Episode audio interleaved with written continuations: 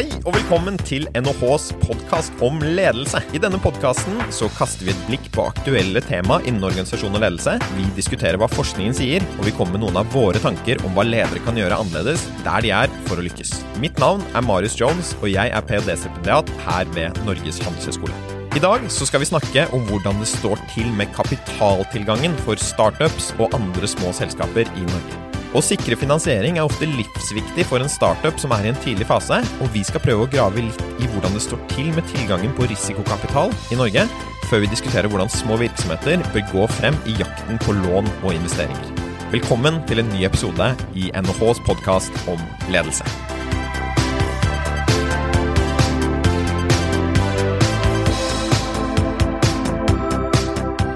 Vi snakker om eh, kapitaltilgang for små selskaper i Norge. Og med meg så har jeg Petter Skulstad, gründer eller medgründer og daglig leder av Dealflow. Så velkommen til deg. Takk for det. Takk for å være her. Og så har jeg med meg Aksel Mjøs, som er førsteamanuensis på NHH og styreleder i Kavlifondet. Og også da eh, leder for kapitaltilgangsutvalget. Så velkommen til deg også. Takk for det. Og så har jeg selvfølgelig med meg min eh, faste podkastmakker Therese Sveidrup. Velkommen til deg. Tusen takk. Og så tenker jeg at vi, vi, skal starte litt å snakke om dette her med kapitaltilgang, og hvordan det på en måte står til med norske kapitalmarkeder, og særlig da når det kommer til eh, kapitaltilgangen for små selskaper, eller vekstselskaper også. da. Og Aksel, du ledet jo da Kapitaltilgangsutvalget, som leverte da sin innstilling til Torbjørn Røe Isaksen 1.3.2018.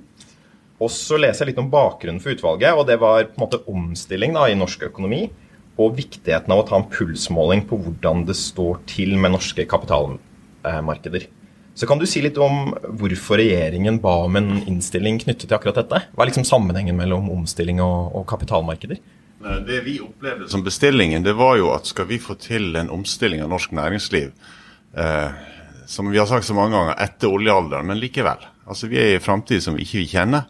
Og da må vi ha finansiering av de bedriftene som skal være viktige i framtida. Det er så enkelt som det. Eh, og mot et bakteppe av at det meste fungerer jo bra.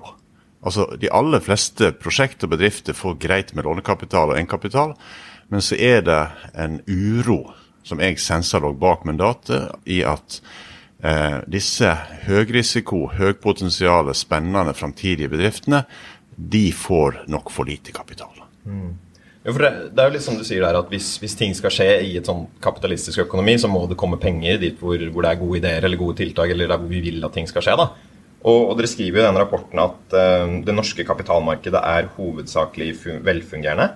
Men så skriver dere også at få nye, større vekstselskaper uh, finnes, og at dette kanskje skyldes begrenset tilgang av risikobærende kompetent kapital og at det er krevende egenkapitaltilgang til bedrifter med behov for penger opp til størrelsesorden av 20 millioner, så har dere skrevet der. Ja. Så Kan du litt utdype den konklusjonen der? Vi, måte, for Det er jo den egentlig vi skal snakke om her, dette her med tilgangen for disse små vekstselskapene, som kanskje skal være med å skape det nye Norge. da. Ja, ja altså, det er jo uh, mange fasetter i det, men uh, den oppsummeringen du siterte, var jo for så vidt der vi landa.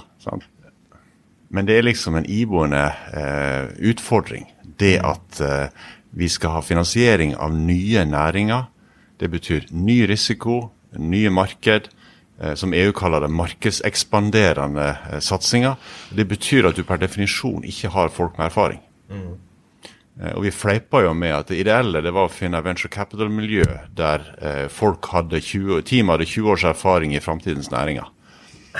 Jeg mener, Du trenger ikke ha gått på NHH for å skjønne at det er krevende, og det er krevende i alle økonomier. Men det er særlig krevende her, der mesteparten av eh, kapitalkompetansen har gått i de tradisjonelle råvarebaserte næringene. Og så er det masse bra der, og masse som kan ekspanderes der, men vi har en utfordring med å greie å funde opp eh, med kompetent kapital nye, spennende næringer. Kan du si litt mer om dette med sånn kompetent kapital og kapitalkompetanse og sånn? For, for, min del så er det litt sånn, sånn fremmedord. Betyr det at det er folk som de, de skjønner ikke disse nye næringene? Er det, er det, de som sitter og driver de nye næringene, eller er det de som skal investere, som ikke vet helt hva det går i liksom, når du skal uh, inn i sånne Det er klart det at uh, humankapitalen, altså folkene og ressursene og teamet rundt en idé, er kritisk for å få den realisert. Mm. Uh, og pengene i seg sjøl holder ikke. og da har du situasjoner med startups der du trenger å supplere kjernekompetansen som uh, gründer og gründerteam har, og som tradisjonelt er teknologisk basert. Det kan òg være på markedsmuligheter, men uansett så er ikke det komplett. De har ikke dekka hele sirkelen. Mm. Og Da er det å få inn uh, investorer, styremedlemmer, uh, medspillere som supplerer kompetansekravet, grådig viktig. Mm. Og Hvis du i tillegg får de inn med kapital, så har de et særskilt ansvar og er høvelig godt insentivert til faktisk å følge opp. Og så har du at uh, du kan få gruppetenking, du kan få masse sånn hyperoptimisme internt i et team som ikke har uh, bunn i virkeligheten. Og da er det godt å ha noen kyniske finansfolk på utsiden som veit hva som egentlig kreves for å nå dit. Greit. Uh, så lenge du har disse medspillere på innsiden, så er det bedre enn å ha de som motstandere. Så der sier du, ikke sant, der, der er det jo flere ting som jeg syns er spennende. At disse her som kan komme inn og investere ting, det er ikke bare penger egentlig dette dreier seg om. Det dreier seg om å få inn noen folk som kan vet ikke, det høres nesten være en sånn motvekt til den entusiasmen man kanskje finner i noen gründerselskaper innimellom også. da. Så det er både kompetanse, men også penger som, som man kan få med på kjøpet da, når man får inn en god investor her på ja, altså, igjen, Alt sånt er situasjonsbetinga. Mm. Om du trenger mer medspillere enn en en skeptikere, det vil jo av, helt avhengig av hva du allerede har. Men typisk en sånn ting som å ekspandere gjennom eh, å gå inn i nye marked, det har sjelden et gründerteam. Det å kjøpe opp ting, mm. det å gå ut og hente store kapitalbeløp, er jo en særskilt kompetanse som få uh, sånne typiske teknologioppfinnere har med seg. Så igjen, komplettere. Min egen erfaring. Jeg satt i sju år som styreleder i Holberg EG, som et teknologiselskap ute av Haukeland. Eneste økonomen der. Um, og der var superflinke leger og uh, teknologifolk. Men det var ingen som hadde erfaring med kapitalmarkedet, med dialoger med investorer og banker og sånt. Der jeg kjente at jeg hadde en meningsfylt rolle. Mm. Og det lever ennå, i alle fall. Nei da, det går bra nå, etter jeg slutta. Petter, du er jo Det var da det gikk veien, liksom? Nei, det var for det ikke poenget. Men poenget var at jeg, jeg bidro med en komplementær kompetanse. Uh, og uh, det hadde nok ikke gått veien hvis jeg ikke hadde vært der. Det tror jeg kan si. Ikke ja. sant. Bra. Petter, du, du, sitter jo og jobber med dette liksom på daglig basis. Eh, vil du bare si litt først om, om, hva dere holder på med i, i Dealflow? Hva dere er for noe? Ja, eh, jeg jobber jo med dette på daglig basis eh, egentlig på to måter. Det ene er at vi er jo et oppstart- og vekstselskap sjøl. Ja. eh, samtidig som vi skal hjelpe andre oppstart- og vekstselskaper til å enklere få tilgang på spesielt kapital. Mm. Men også, det er jo ikke noe i veien for at de får tilgang på kompetanse på veien også. Mm. Eh, det som vi merker som er, er interessant, er jo noe som Aksel her nevner, er jo eh, fokuset til en gründer eller en oppfinner, for å kalle det det. da, eller eh, Noen som starter et uh, selskap, er jo svært sjelden på kapital. Mm. Og bevisstheten rundt det å få på plass kapital, og hvor viktig kapital egentlig er. Så veldig mange av de vi snakker med, de begynner jo Vi spør de ja, når må du ha kapital på plass. Og jeg tror 98 svarer helst i går. Mm. For man sitter og er så fokusert på, eh, på, produkt og på marked og det man er flink til, og det man ønsker å få til, at alt annet det forsvinner. Mm. Så, eh, så, det å få inn tidlig uh, innspill eller uh, mennesker med deg som kan uh, gjøre de bevisst på det, det tror jeg er veldig viktig. Hm. Ja, Det opplever jeg også når jeg er litt sånn rundt på sånn gründerkonferanser. og sånn, At det snakker mye om brukerfokus, liksom. Og at du må ha inn disse utviklerne særlig. da, Det er, det er vanskelig å få tak i de som skal utvikle produktet, og du må sørge for noe som treffer et behov i markedet og sånn. Men det er, det er, nok litt sjeldnere at jeg hører at, at det er snakk om dette her med du må også få inn penger, da. For ellers så, eh, ellers så Det er jo på en måte det som er bensinen her, som skal drive dette framover, på en måte. Vi hadde jo en kommentar på det i eh, utvalget, fordi Uh, det er mange klynger og arenaer og slike initiativ som er finansiert med Innovasjon Norge. Mm. Og der vi eh, kommenterte nettopp på det at der må kapital, eh, kapitalen løftes mer opp på agendaen. Være mer også en møteplass mellom de som har penger og de som trenger penger. Mm. Og ikke bare en sånn, som du sier, diskutere markedsutfordringer eller teknologiutfordringer, som i og for seg er viktig, absolutt. Mm. Men men rett og slett respekt for at uh, du må ha et case å selge for at pengene skal komme. Mm. Og det krever sin mann og sin dame. Ikke sant? Ja, og det som vi uh, opplever, er jo at når de skal selge forretningsideen sin, eller business case deres, mm. investeringsmuligheten for investoren, så selger de produkt. Mm. Ja. For det, det er det Utrolig vanskelig å flytte dem fra produktet til investeringsmuligheten. Sant? For de elsker produktet sitt. Ja. Eh, og uansett hvor mye du sier men du må fokusere på at dette er en investeringsmulighet for investoren, så kommer de opp hvor fantastisk produktet i seg sjøl er. Ja, Så det, skal ikke man undervurdere produktet de selger, men, men investeringsmuligheten Altså, en investor er jo ute etter avkastning. Da tilfører jo dere kompetanse i prosessen, da. Det gjør vi eh, til, en, eh, til en grad, ja. og, og når du hører de Men det er ikke alltid de hører på oss. Vi fortsetter med samme Ja, det er vanskelig. Det er vanskelig. Ja. Når du hører de her konklusjonene fra, fra denne her eh, rapporten fra Kapitaltilgangsutvalget, hvor de sier at det er for lite kapital for disse her selskapene som kanskje er i målgruppen dere ofte, er, er det noe dere kjenner igjen, eller når du er ute og snakker med de selskapene som kommer til dere, eller liksom tar litt pulsen på hva som skjer i eh, oppstartsverdenen? da? Eh, absolutt. Og det var derfor vi, vi startet opp eh, Dealflow. Da. Det er jo en, en eh, plattform som skal eh, gjøre det enklere for risikokapital å møte spennende investeringsprosjekter, samtidig som gründerne og vek, vekstselskapene skal treffe risikokapital enklere. Eh, og det er jo ingen tvil om at det er mye penger i Norge, men, men eh, muligheten og eh, uff, holdt på å si, få i gang kapital er vanskelig. Eh, det har tidligere vært forbeholdt tradisjonelle eh, miljøer. da. Engleinvestorer og, og den type, da, som holder det også tett ved brystet. Og det er noe som Kanskje du skal definere engler? Nei, altså En, en engleinvestor er jo en som går tidlig inn, og det ligger litt i ordet. Han skal hjelpe å være en engel og dra det videre. eh, helt, helt tidlig. Um, Det er vel ofte en enkeltperson, er ikke det? Ofte en enkeltperson eller en samling av enkeltpersoner. Type sånn investeringskollektiv, da. Eh, hvor flere engler er samlet, og så går gjerne én eller to eller tre eller fire sammen og, og går inn med et beløp. Og så skal de også gå inn med kompetent kapital eller kompetanse. Og så viser det seg jo ofte at de ikke har kompetansen som de sjøl mener de har.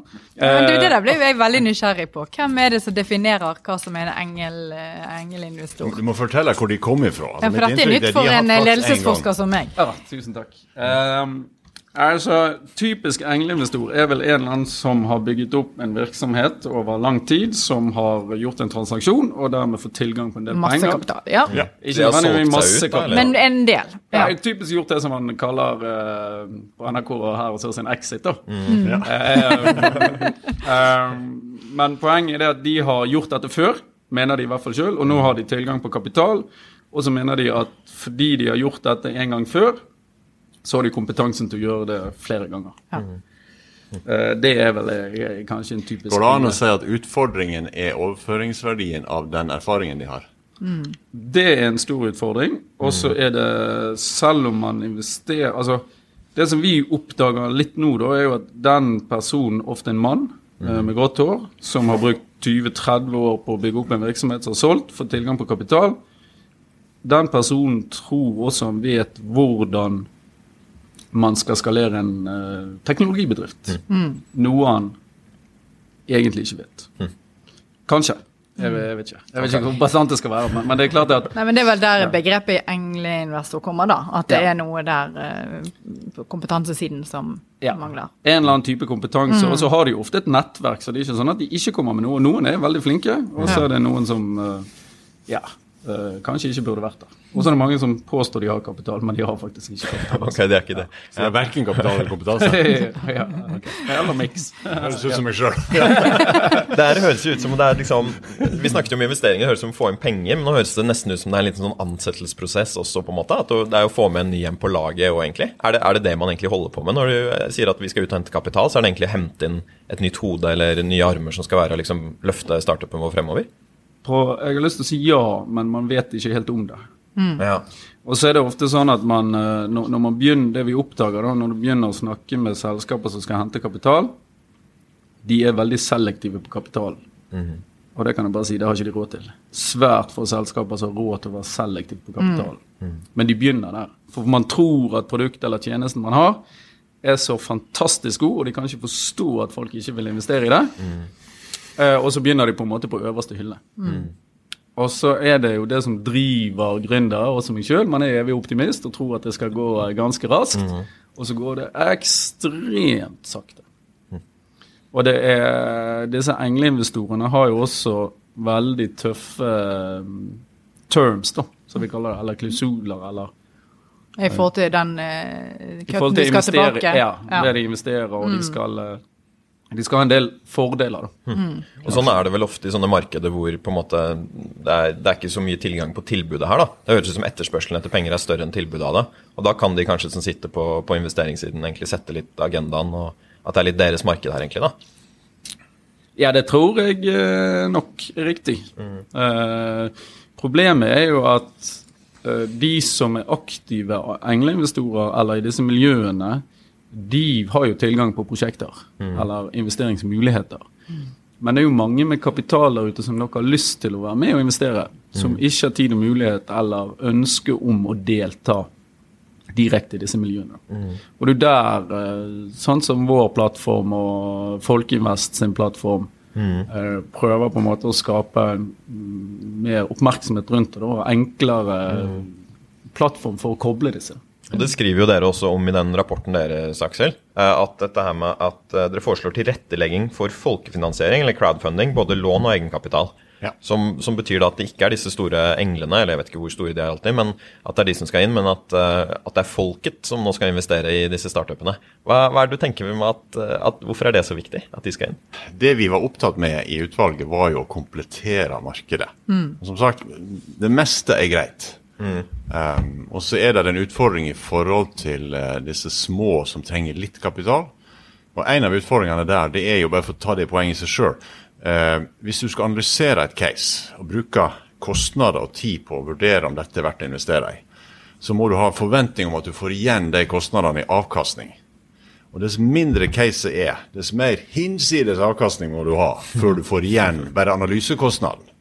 Og Det er en del av utfordringen i denne her eh, mellom 5 og 20 millioner som vi eh, indikerte. Men så er det da, kan du gjøre dette markedet litt bedre?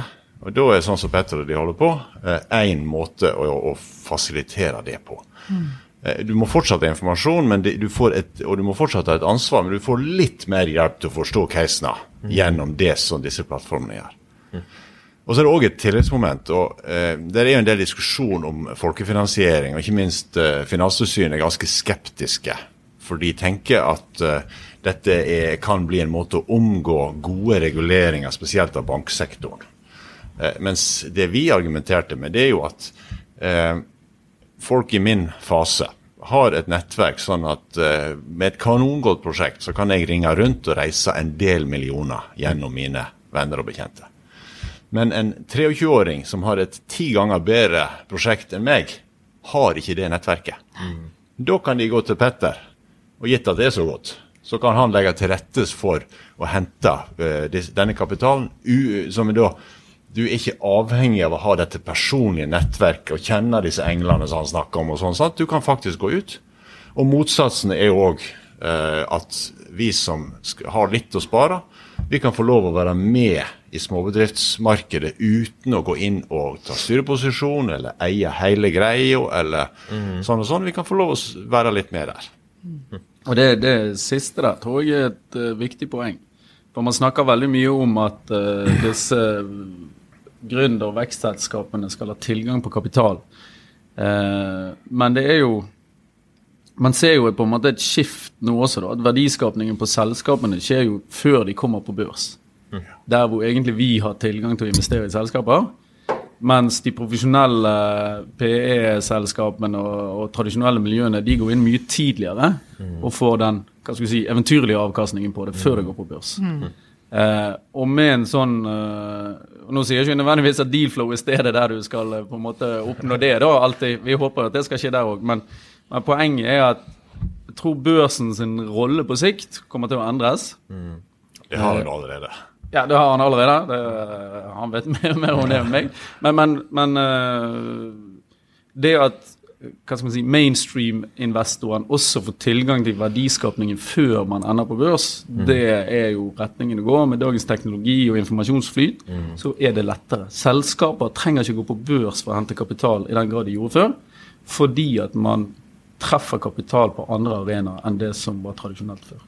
Og Du ser jo eh, borti USA, jeg tror eh, fra 95-96 så er antall børsnoterte selskaper det er halvert.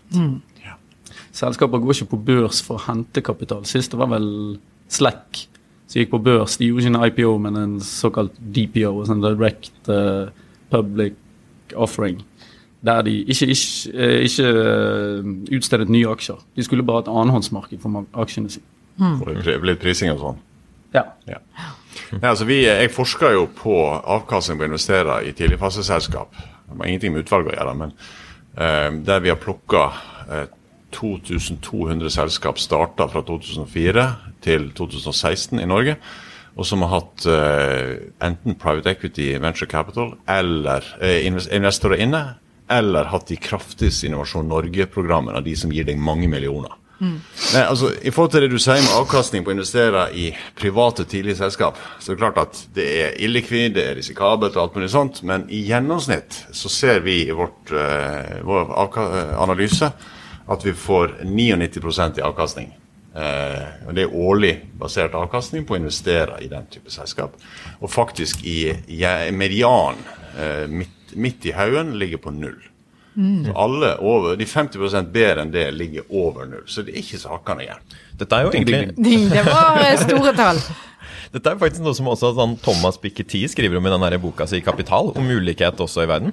Hvor han sier at de som er på en måte størst fra før, har også mulighet til å få mye mer avkastning på sin kapital. Mm. Så det er ikke bare på en måte at penger um, gir nye penger, men det er også at store penger gir mer penger. på en måte. Så det er jo litt sånn, nesten en sånn, Hvis man skal ta på seg en litt sånn helterolle der, så er det jo noe sånn demokratiserende egentlig over dette her også, da, med å tilby folkefinansiering. Så man får tilgang til det der eh, som kan gi veldig god avkastning også. Mm i UK hvor eh, egenkapitalbasert folkefinansiering er blitt kjempestort. Mm. Der er 49% av alle investeringer som gjøres på sånne plattformer, gjøres av institusjonelle eh, investorer. Mm. Sånn at eh, eh, det går jo den veien at både profesjonelle og ikke-profesjonelle får ta del i det der. Eh, og så var det vel denne måneden her, tror jeg han eh, Clayton han heter borte i, eh, som er styreleder i SEC borte i USA, mm. han også gikk jo ut og sa at vi er nødt til å tilrettelegge for mainstream-investorene til å ta del i verdiskapningen før selskapet går på børs. Mm. En ting som man ikke får da med denne crowdfundingen, er jo en kunnskap på kjøpet. For da har du jo masse små investorer, og jeg regner med at hvis du eier For dere, det er jo inntrykket når, når folk investerer på Dealflow, så er det jo ikke masse penger hver enkelt investor går inn med. Det er et par tusenlapper og kanskje opp mot jeg vet ikke, 10 000, 15 000 og, og sånne summer. Og, og, da er de jo kanskje ikke så aktivt investert i selskapet og villige til å bruke så mye tid på det heller. Og det er kanskje ikke en selektert gruppe som har mye kompetanse heller. Det kan liksom være deg og meg og um, Du har for så vidt mye kompetanse, da, men uh, si, si, meg som, som, ikke vet noe om dette her. Jeg kunne jo gått inn og investert. Hvordan, hvordan tenker dere om dette? på en måte? Hva, hva, bør selskaper tenke når de vurderer om skal vi få inn en engel her som har uh, gjort dette før og, og har litt han ville ha, ha, sagt, eller skal vi få inn folket på en måte som er mange og kanskje ikke kommer til å på en måte stikke fingrene sine så mye i våre saker? Jeg uh, har veldig lyst til å ta opp uh, 'Wisdom of the Crowd', men jeg skal kanskje uh, jo, jo, si litt om det. nei, men, nei, men, jeg kan heller begynne med det å si at dette her jeg, jeg, forstår veldig godt at de som investerer, har lyst til at noen andre skal være med. Noen mm. som har gjort en bedre research. Og det er noe vi jobber kontinuerlig med å få til. da. Uh, og vi har jo hatt ett prosjekt der det gikk inn et lite WC-selskap i, i, uh, i, uh, i, en av kampanjene våre. Og vi er ganske sikre på at dette kommer til å endre seg også. Om noe av det som vi får tilbakemeldinger av hva skal du si, mainstream-investorene, er jo det at ja, det er utrolig mange spennende prosjekter. Mm. Eh, men jeg skulle gjerne sett at det var noe mer profesjonelle som gikk inn samtidig som mm. verifiserer det, og så kommer jeg med kapital. Ja. Uh, og, og, det har jeg stor forståelse for. Er, og dette tror jeg er en modningsprosess for hele denne bransjen i Norge. Mm. Som du både har sett i Sverige og ikke minst i UK. Uh, eh, vi har hatt et WC-selskap som har gått inn i en kampanje og investert i et selskap som hadde en kampanje.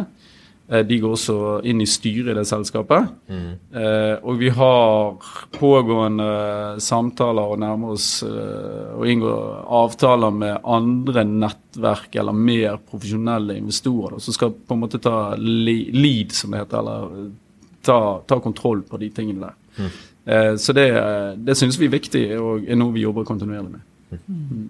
En kommentar der. Det, er jo, det som har vært hovedkritikken imot crowdfunding, det er jo at mindre kompetente, eller iallfall ikke ekspertinvestorer, blir lurt inn til å investere i selskap som ingen andre vil ta i. Så det er klart at alt dere kan gjøre med å gå imot den påstanden, enten ved at dere får lead investor som putter pengene på selskapene og sånn sett viser at det går bra, eller det på andre måter prøver å sikre eh, investorer, småinvestorer som ikke sjøl kan passe på sine egne investeringer. Mm. Ja, og så er det veldig viktig, så jeg har lyst til å presisere, dette er ikke noe alternativ plattform for pensjonssparing. Svært høy risiko. så, så, så eh, det, det, er veldig viktig. Ja. Så, så, men, men, det som også er litt viktig for oss, er at utgangspunktet vårt så er jo ikke vi noe idépoliti. Mm. Vi vet ikke hvilke selskaper som uh, kommer til å revolusjonere morgendagen. Vi vet ikke hvilke selskaper som er faktisk en god idé. Men det vi sørger for, er jo at dokumentasjonen er på plass. Mm. Dokumentasjonen eh, gjør at investoren kan ta en såkalt informert investeringsbeslutning basert på dokumentasjonen som ligger der. Mm. Men uten anbefaling? Vi anbefaler ingen caser. Vi driver ikke investeringsrådgivning. Mm. Men, men, de skal være trygge på at dokumentasjonen er på plass. Og så skal, eh, skal uh, selskapene som henter kapital, de skal være trygge på at investoren har i hvert fall vært gjennom de rutiner som kreves for at de er klar over risiko. Anti-hvitvasking, antiterror uh, og alle de tingene der. Sånn at, og de er identifisert, ikke minst. Jeg ble nysgjerrig på den uh, kompetanseinnhentingen. da. Hvis, vi, hvis, jeg da satt på noen penger, hadde lyst til å investere noe, og så har jo jeg ikke peiling. Dette er ikke det jeg sysler med. Eh, da regner jeg med at det, kommer noen sånne, og så skal de finne litt informasjon. Så du sier vi skal tilrettelegge for informasjon. Hvor mye ja, kommunikasjon må dere holde på frem og tilbake med de med spørsmål, svar, spørsmål, svar, eller sender dere direkte til selve selskapet? Hvordan foregår de prosessene, og hvor komplisert blir sånne type informasjonsinnhentingsprosesser før folk faktisk bestemmer seg? Uh, Godt spørsmål. Og det som på en måte jeg tror, uten å vite helt for sikkert, Finanstilsynet liker med vår modell, er ja. at den er veldig transparent. Nettopp. Eh, det vil si at all informasjon som ligger der, er jo offentlig til alle som vil ha den til enhver tid. Mm. Det går på en måte ikke an å snakke i boken. Nettopp. Eh, snakke i boken eh, er jo å eh, ta kontakt med investorer og, og fortelle de Altså, det, det handler om informasjonsflyt her, da. Uh, og fortelle de andre ting enn det som ligger der, og, og mm. fortelle hvordan, hvordan ståa er. Typisk er jo at nå må du investere, for nå, nå begynner det å bli fullt der, og nå må, nå må pengene komme. Ja, Det er ikke sånn. det er vel uh, ikke alltid helt riktig. Mens, mens, det er helt transparent på vår plattform. Du mm. kan følge med hvor mye kapital som er der. Mm. kommet inn. Ja, for da ser du det på en måte, det er en sånn, en sånn progresjonsbar nesten, ja. da, som går fra rød til gul til grønn etter hvert, og så fyller den seg opp, og da er det fullt? Er det ikke litt sånn det ser jo. ut fra utsiden? Ja. Mm. Hele poenget er at du skal kunne følge hvor mye penger som investeres jevnt og trutt. Og den oppdateres live for hver gang noen gjør en investering. Mm. Uh, sånn at Uh, alle har tilgang på boken, da, kan du si, om hvor mye penger som faktisk er kommet inn. Mm. Uh, så du skal ikke risikere at noen sier nå må du løpe og kaste inn pengene, for nå, nå, er det snart fullt. Eller nå er det fullt, så nå må du komme. Eller du må investere ekstra mye, for ellers så blir du uh, avkortet. Mm. så samtidig så er det helt åpent på spørsmålsstilling, da. Ja. Mm alle spørsmålene som stilles, de besvares også på plattformen av gründerne sjøl eller uh, mm. menneskets styreleder eller de som uh, ønsker å svare på det. Og det er ganske viktig, det òg. Nå skal det sies at vi er en moderator da imellom. Det er ikke sånn at vi sensurerer noe, men for å unngå nettroll og mye rart, så, så, måte, så, så, tar vi gjennom spørsmålet. Mm. Men, men det, det, som er veldig viktig, er at de svarer eh, raskt, og de svarer utførlig, da, mm. for, å, for å klare det. Mm. Jeg synes det var spennende det som, som, ble nevnt her med den kanskje kritikken mot crowdfunding, om at dette her blir en sånn Hvis det ikke går å få en ordentlig investor, så går vi til dette her uh, istedenfor. Mm. Og jeg tenker jo med, sånn, med min sånn bakgrunn i sånn samfunnsøkonomi som jeg lærte på skolen, så, så skjønner jeg jo at den antakelsen kanskje ligger der. For da lærte vi jo på en måte at det ikke var noe arbitrasje i sånne finansmarkeder eller andre markeder heller, på en måte. Hvis, hvis det finnes muligheter hvor det går an å slå markedet, så kommer folk til å flokke seg dit. Og hvis da investorer ikke er villige til å investere et sted, så betyr det at dette her er dårligere avkastning til mer risiko da, enn andre steder. Og Hvorfor holder på en måte ikke den kritikken der? da? For at Hvis det faktisk var sånn, så ville jo det høres ut som at folkeinvestering er en sånn nødløsning for de som ikke klarer å få seg eh, ordentlige investorer, da, hvis jeg skal være ordentlig sånn eh, stygg, på, stygg på akkurat det.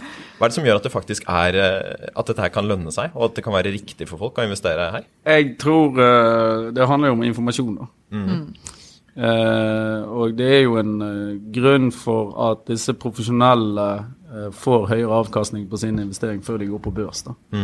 Så eh, det handler jo mye om informasjonsflyt. Eh, og tidligere har jo ikke dette vært tilgjengelig for, eh, for mainstream-investorene eller de vanlige. Her er det arbitrasjemuligheter fordi at disse markedene fungerer ikke. Det er for få case, det er for masse informasjonsasymmetri, det er for få investorer. Og det er òg en mulighet. Og så skal ikke man undervurdere ønsket om å bidra, ønsket om å være en ambassadør. og invest Noen investerer litt med hjertet også. De har lyst til at denne personen skal lykkes, de har lyst til at uh, dette prosjektet skal opp og gå. De har lyst til å ha dette gokartsenteret i, i nærheten, og derfor investerer de også. Ikke sant? Jeg er litt nysgjerrig på, Aksel. Vi driver jo, du driver med forskning, men du driver med utdanning. Så vi har jo studenter her på NHH. Hvordan skal vi som eh, høyskole, hva rolle har vi i å utdanne fremtidige gode crowdfundere eller investorer, og hva bør vi i så fall legge vekt på? Jeg tror de må ha en, en grunnleggende forståelse av eh, sammenhenger altså, som skaper verdi. Forstå risiko.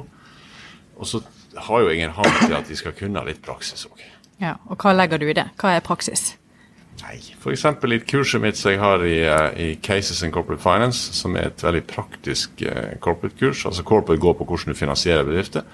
Så har jeg inne en advokat som forteller om de legale sidene ved eh, oppkjøp og fusjoner. Eh, liksom Hva er stegene når du skal kjøpe eller selge et selskap? Og en kunne hatt det samme i forhold til kapitalreising. Eh, og Det har jo vi snakka om før, Therese. Dette Ja. her med at den der eh, betydningen den juridiske dimensjonen har, både avtalemessig og, og reguleringsmessig, i eh, alle markeder etter hvert. Jeg mener, Du har vært igjennom rikelig mye, Petter, for å få dealflow opp å stå. Sant? Eh, altså Både som institusjon, som selskap og i, i møte med investorer og selskap. Eh, og få større forståelse for den. At det er andre markeder enn de som er ferdigetablerte og effektive. og der du har eh, handla på millisekund, og alt er greit og alt er informert, og det, det er masse analyser. En sånn ting som jeg tenkte litt på, for nå har vi jo snakket litt om dette her store bildet, hvordan det ser ut for, på, på disse kapitalmarkedene. Og så er det jo alle disse gründerne som befinner seg her da, i denne her, eh, situasjonen hvor de kanskje trenger penger, og de trenger det i går, som, som du snakket om også, Petter. Og så er det litt kamp om pengene her også. Eh, har dere noen tanker om hvordan de som leder eh, små virksomheter, eller jobber i små virksomheter, skal forholde seg til dette her? Hva, hva er det de på en måte bør tenke på å gjøre for å lykkes når de skal hente inn kapital? Det som eh, det, det starter ganske tidlig i prosessen. da. Du, må- du må tenke over hvilken type kapital du har. Det er ikke all kapital som passer for alle. Eh, og så er det mange, det er mange flinke sånn inkubatorprogrammer der de hjelper deg med å tenke hvilken kapital ønsker du, og så kan de være med og spisse deg inn mot den eh, kapitalen. Ja, for, å, for å gå gjennom litt av hva som finnes der, da, type kapital. For er, er det type, Skal du ha en lån, skal du ha en crowdfunding, skal du ha en engleinvestor? Er det, er det sånne alternativer som finnes der? Ja, altså, og så er det softfunding, som vi kaller det. Altså sånn type Innovasjon Norge, der du enten får billig billig lån, eller du får tilskudd direkte. Det er jo veldig viktig å være klar over. Eh, det er jo eh, typisk noe vi informerer dem om at det er en vei å gå, hvis de ikke er kommet helt der de burde være i forhold til oss. Eh, og så har du selvfølgelig egenkapitalfinansiering, som vi gjør, er jo, er jo veldig dyrt for selskapet. da. Du gir fra deg mye av selskapet mot kapital, eller mye, alt ettersom. Men, mens lån gir jo ikke du fra deg noe. Men du får en kreditor istedenfor. Mm. Så hvis du har råd til å ta et lån, så er jo det kanskje veien å gå, men det fordrer jo gjerne at du har en pengestrøm også, da. Og kunne betale både renter og avdrag. Ja. Så, så eh, det finnes mange måter å gjøre det på, og ikke alt passer til alle. Så er det veldig fokus på disse venture-selskapene, da. Eh, og alle snakker om jeg må få inn et WC-selskap. Men det er ikke WC, det er ikke alle faser i, i livet til en virksomhet at WC er det riktige heller. Men hva er det så spesielt med WC-selskap, for oss som ikke vet? Nei, eh, venture de kommer jo typisk De skulle jo egentlig komme i det som uh, litt tidligere enn det vi mener de gjør i Norge i dag, da. Eh, Kommer de også med kompetanse? De Er kommer, Ja, de kommer også de med kompetanse. kompetanse. Ja, og går gjerne inn og tar styringen. noen går inn og tar styringen, Ja. noen hjelper deg å ta styringen. Eh, de tar litt sånn forskjellige roller. Men det som er viktig for de er jo skalering. Ja. Du må kunne skalere fort og raskt. Eh, så det noe, sier de Man tar gjerne utgangspunkt i enten så skal du ha en unik teknologi som er helt unik, som man kan skalere seinere, kanskje, derfor kommer man inn nå. Eller så skal du ha et, en unik skaleringsmulighet uten å nødvendigvis ha, ha teknologien At den er så unik. Men du skal ha en unik skaleringsmulighet. Så um, Og det er ikke alle selskaper som trenger det. Sånn som vi skaffet kapital til Bergen Go-Kart-senter. De skal ikke ha WC-kapital. Nei. De, de, de har ingen unik teknologi eller skaleringsmuligheter. Men de gjør det veldig bra. Ja. De tjener gode penger. Ja. Og da var det ikke, det var ikke veien å gå for de. Og kanskje ikke så mange måte. venturekapitalister som er så interessert i det heller, på en måte. Nei. Og så, ja. Du må se vekst. Jeg, jeg var eh, i et sånt ekspertutvalg og i prosessindustrien av alle ting. satt jeg. Men det var nettopp fordi at de sa det at eh, vi trenger noen som er eksperter på team. Fordi at vi ser det at de som skal investere, gjør en vurdering ikke bare av den ideen, men også hvilket team som står bak ideen. Og det var litt nysgjerrig på deres perspektiv på det, og, og tanker om ja, hva er det med det teamet, hva ser man da typisk etter? Og det er veldig viktig. Teamet er jo veldig viktig, spesielt i tidlig fase.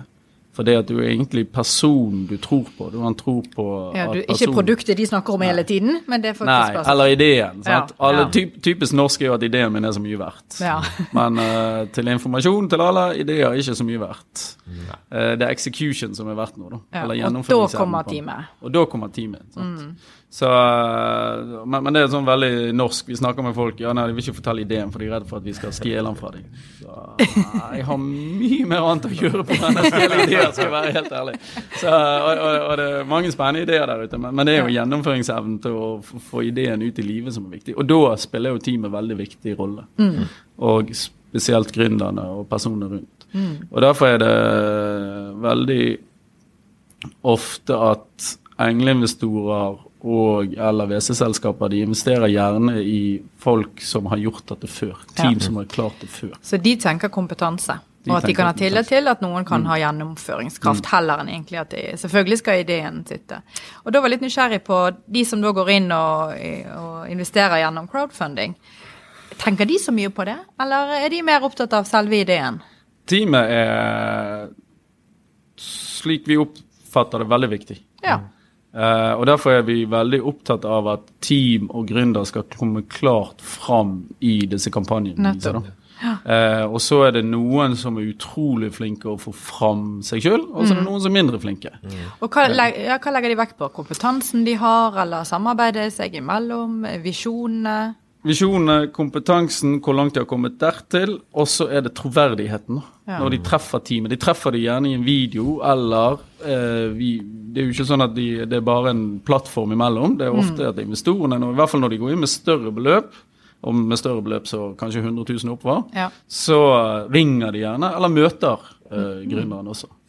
Sånn at eh, teamet er viktig. Men da Eh, snakker vi egentlig om kommunikasjonsferdigheter.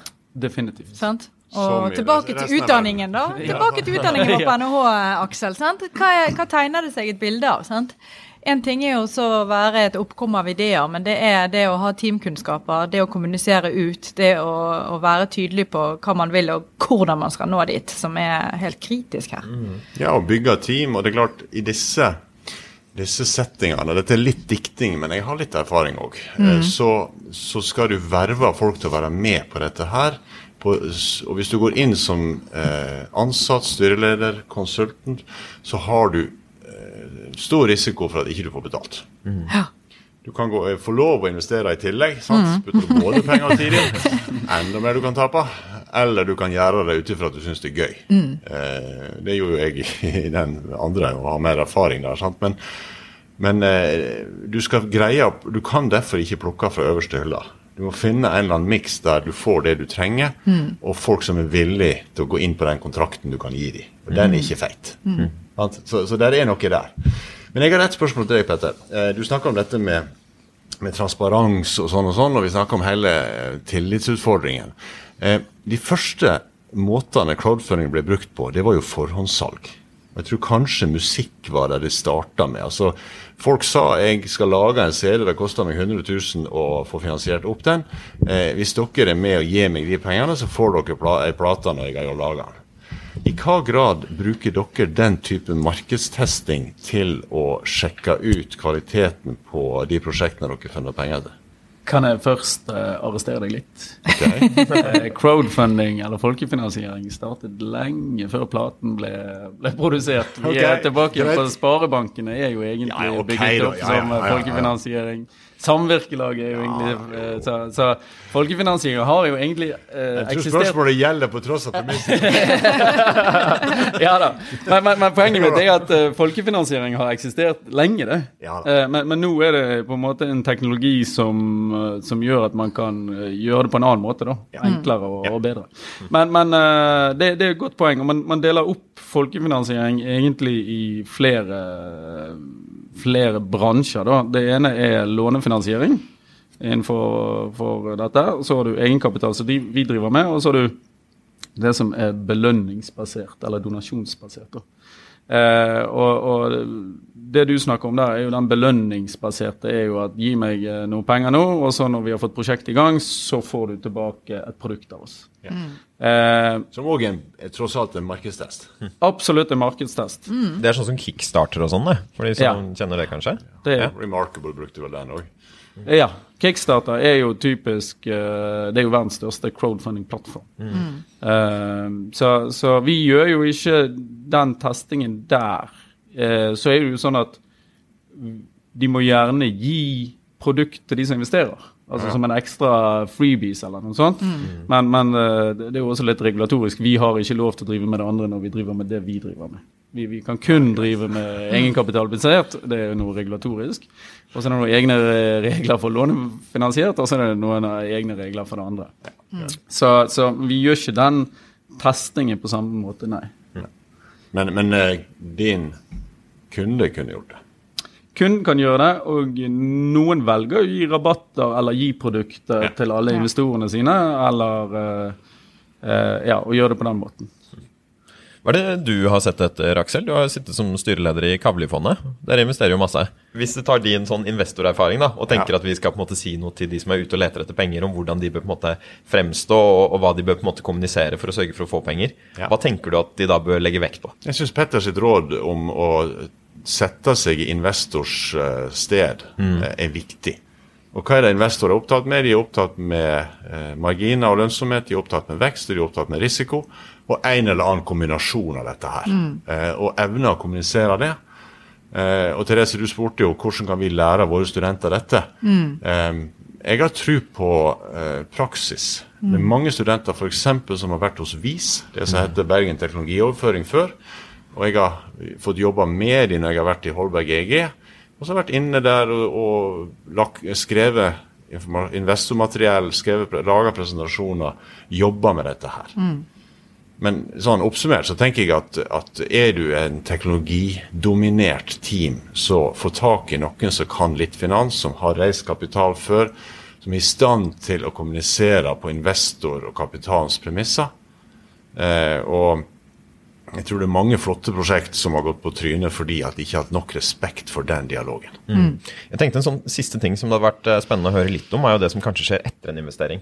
For det er jo litt at, eh, i hvert fall Hvis du får inn en, en såkalt engel, eller noen andre som vil være aktive investorer, så har du jo på en måte fått eh, en ny person på teamet også.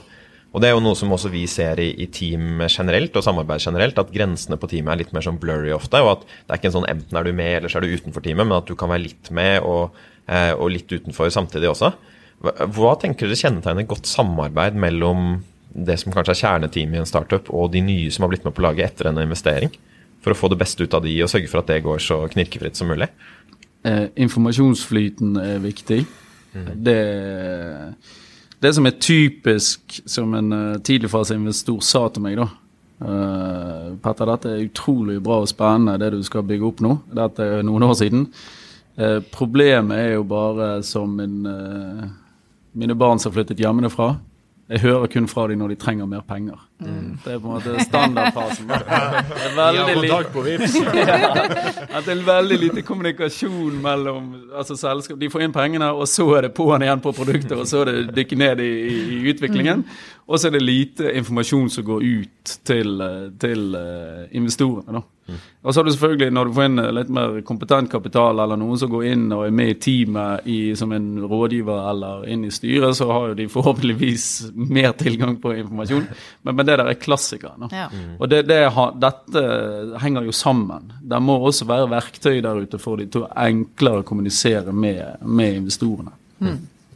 Jeg har jo veldig tro på egentlig to ting. Det ene er holdning, og det andre er å bruke digitale muligheter. Altså holdning til full åpenhet.